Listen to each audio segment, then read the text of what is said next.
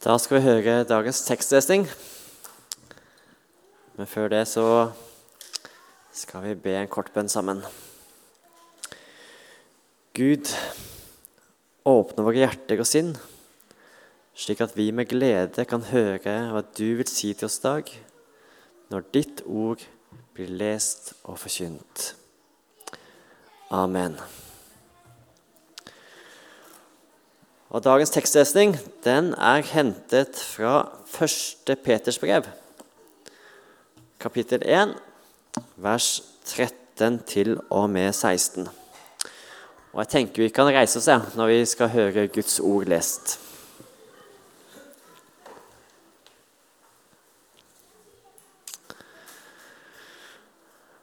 Spenn derfor beltet om livet. Vær våkne, beredt i tanke og sinn. Sett håpet fullt og fast til den nåde dere skal få når Jesus Kristus åpenbarer seg. Som lydige barn skal dere ikke lenger la dere lede av de lystne dere fulgte den gang dere levde i uvitenhet. Han som kalte dere, er hellig. Slik skal også dere være hellige i all deres ferd. For det står skrevet Dere skal være hellige, for jeg er hellig. Takk, Gud, for ditt ord til oss i dag. Gud være lovet. Amen.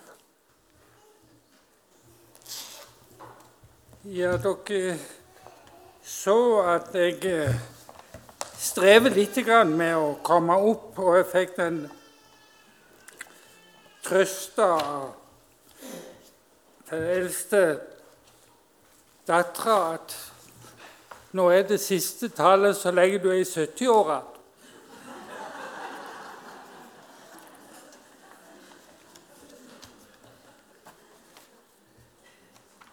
Jeg eh, står her med et dokument. Der står der det, altså det er 58 år gammelt, og der står det, det på, Der er et stempel på toppen. Der står det 'Forkynn ordet'. Og så fortsetter det med ordene Etter å ha blitt tilbørlig prøvet med hensyn til kunnskaper og nådegaver og brukbarhet, gis Einarsand fullmakt til å være lokalpredikant i Metodistkirken så lenge hans liv og lære stemmer overens med Kirkens lære. Fullmakten har altså en begrensning. Det er et krav til hvordan jeg lever. Å leve tilfredsstillende er en utfordring, ja, kanskje en umulig oppgave. Og likevel så er jeg blitt bedt om å tale på gudstjenesten her i dag. Det følger meg både med frykt og ydmykhet. Jeg har da fra tid til annen forkynt ordet i rundt 60 år på ulike steder og ved ulike anledninger.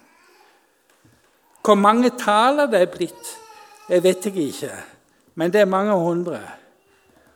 Kan det da være noe nytt å si? Eller er det noen som spør? Og Da kan vi en gang si at det er det ikke. Bibelen har riktignok fått ny språkdrakt et par ganger i denne tida. Ordene er blitt endra, men innholdet er det samme. Det gamle evangeliet er like aktuelt i dag, og det er det jeg vil holde meg til.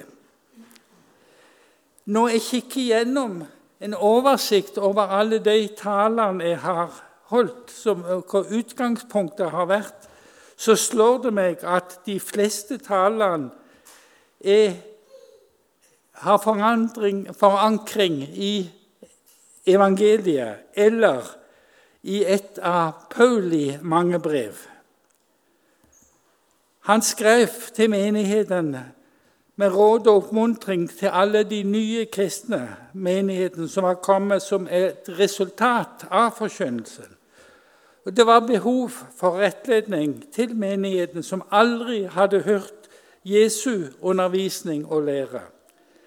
Teologien var ny for alle, enten de var vokst opp i en synagoge eller i hedenske sammenhenger. Men skriver han fra, Paul, fra Peter, den personen som Jesus pekte ut for å være hyrde for flokken av etterfølgere, har jeg nesten aldri vært innom. Og Derfor har jeg da valgt det i dag. Og vi har allerede hørt ordene fra Paul Peters første brev,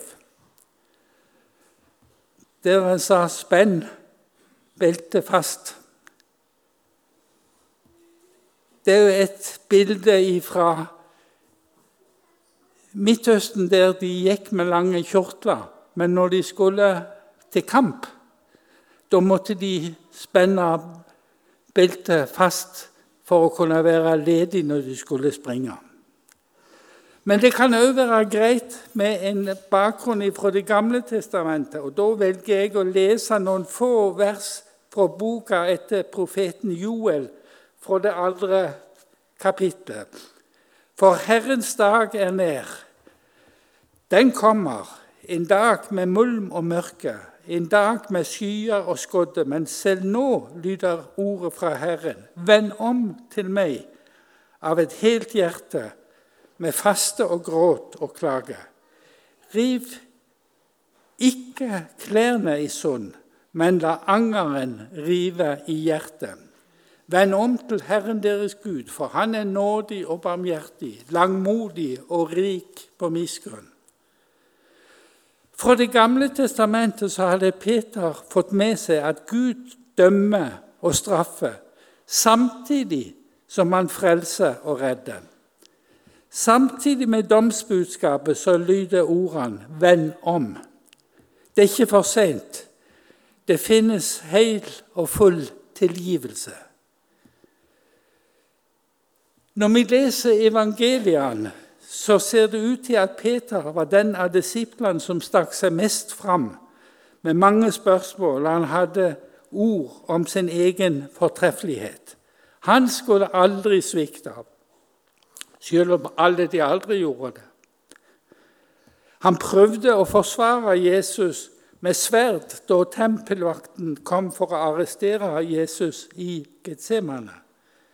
Jesus stoppa det opprøret. Men Peter fulgte etter da vaktene tok Jesus med seg til forhør hos øverstepresten. Og det var da det skjedde det, fortalt, det fatale. Da Peter hadde sagt at han skulle aldri svikte. Han banna på at han ikke kjente Jesus. Noen dager etter at Jesus hadde stått opp fra de døde, så hadde de to en samtale. Det kan vi lese om i det 21. kapittelet i Johannes evangelium. De skværa opp, og det var da Jesus sa at Peter, med alle sine mangler, skulle være lederen for Jesu etterfølger. Så ble Jesus tatt opp til himmelen til sin himmelske far. Men før han dro, så sa han det er mange rom i himmelen. Og han skulle gjøre i stand et rom til hver enkelt av etterfølgerne, sånn at de kunne komme opp til himmelen. Han skulle hente dem så de kunne være der han var. På den tiende dagen etter at Jesus hadde reist opp til himmelen, så kom det en åndsfylde over Jesu disipler. Peter ble inspirert, talte til folket og sa.: Denne Jesus som dere korsfestet, han har Gud gjort til både Herre og Messias. Da de hørte dette, stakk det dem i hjertet, og de sa til Peter og de andre apostlene.: Hva skal vi gjøre, brødre? Peter svarte dem, Vend opp, la dere døpe i Jesu Kristi navn, hver og en av dere, så dere kan få tilgivelse for syndene, og dere skal få Den hellige ånds gave. Når vi leser brevene til Peter, kan det være greit å huske på at det er skrevet av den av Jesu disipler som hadde svikta i farens stund, som hadde benekta at han kjente Jesus, ja, som til og med banna på at han ikke kjente han. Og likevel så var denne disippelen den første som gikk inn i den tomme grav etter oppstanden. Det var litt av en ære for en som hadde svikta. Og det viser hvordan Gud ikke hevner seg, men starter på, helt på nytt uten å ta hensyn til fortida når han kaller folk til sine oppgaver. Peter hadde altså en bakgrunn når han oppfordra menigheten til å være trofast. Han visste hvor lett det var å svikte.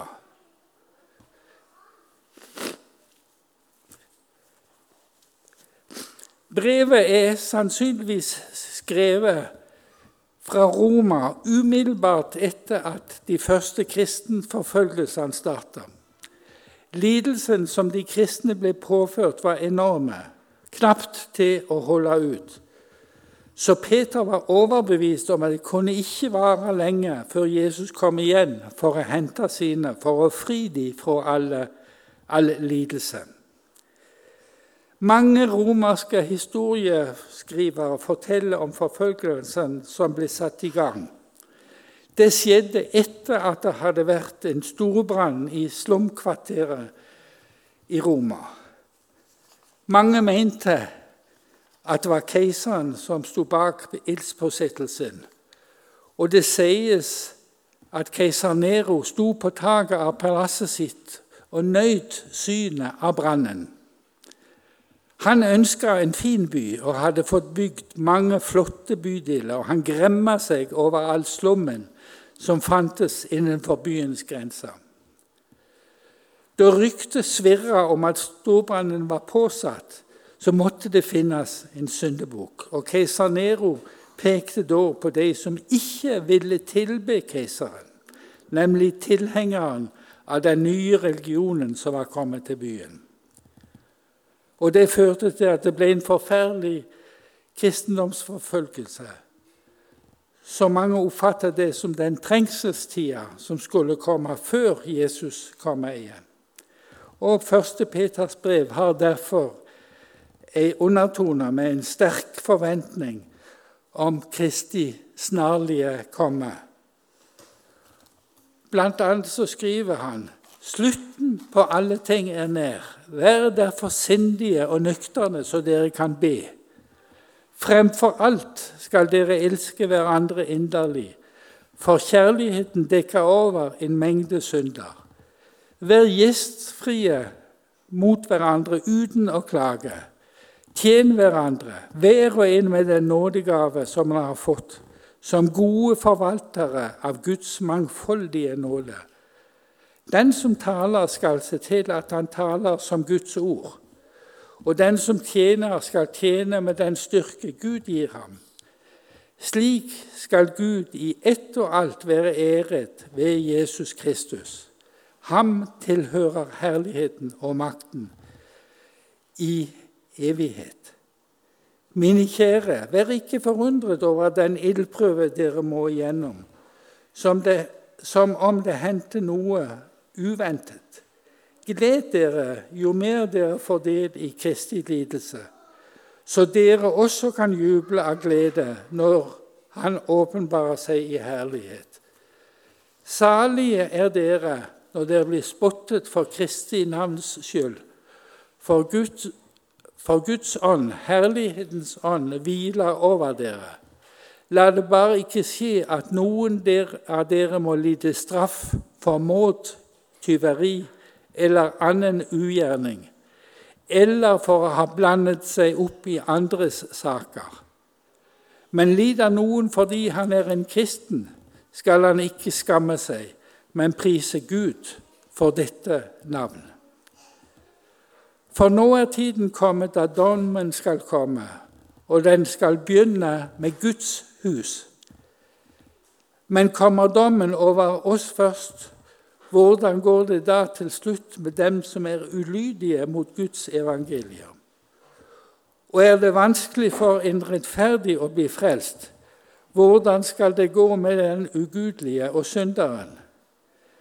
Derfor skal de som lider, overgi sin sjel til den trofaste skaperen og gjøre det gode.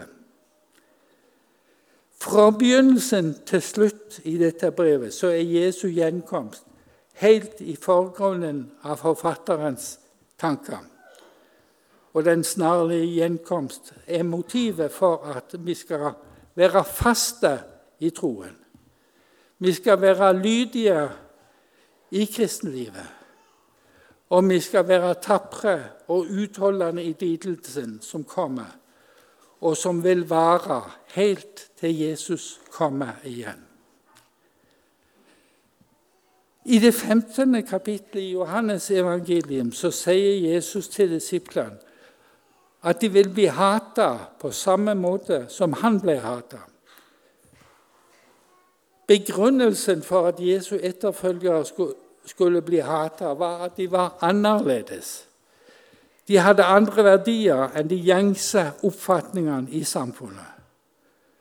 Og så avslutter Jesus den samtalen til disiplene med at de skulle bli fulgt av sannhetens ånd, og de skulle være vitner på samme måte som han Vitner om Guds godhet. Peter fortjente ikke å være leder av disippelflokken. Han bare ble det av Guds nåde. Han var en tilgitt synder. Han var ingen helgen, men han var hellig, dvs. Si annerledes, fordi han lot Den hellige ånd forme livet Sånn skal òg vi la vår tanke ved det at vi er kalt til et heldig liv. Som syndige barn skal dere ikke lenger la dere lede av lystne dere fulgte den gang dere levde i uvitenhet. Han som kalte dere, er hellig. Slik skal også dere være hellige i all deres ferd. For det står skrevet:" Dere skal være hellige, for jeg er hellig. Vi blir ikke helgener, men vi er hellige fordi vi er utvalgt av Gud. Og vi skal fortelle våre medmennesker hvordan Gud er, nemlig barmhjertig og nådig. Han tilgir uforskyldt og vil at vi skal bringe det videre. Så derfor forkynn ordet. Vi skal ikke frelse noen. Det er det ordet, Den hellige ånd, som gjør. Det er den som renser og gir fred. Vi skal bare forkynne ordet, slippe ånden til, sånn at ordet kommer fram. Det er det som er vår oppgave. Og så ordner Gud resten. Amen.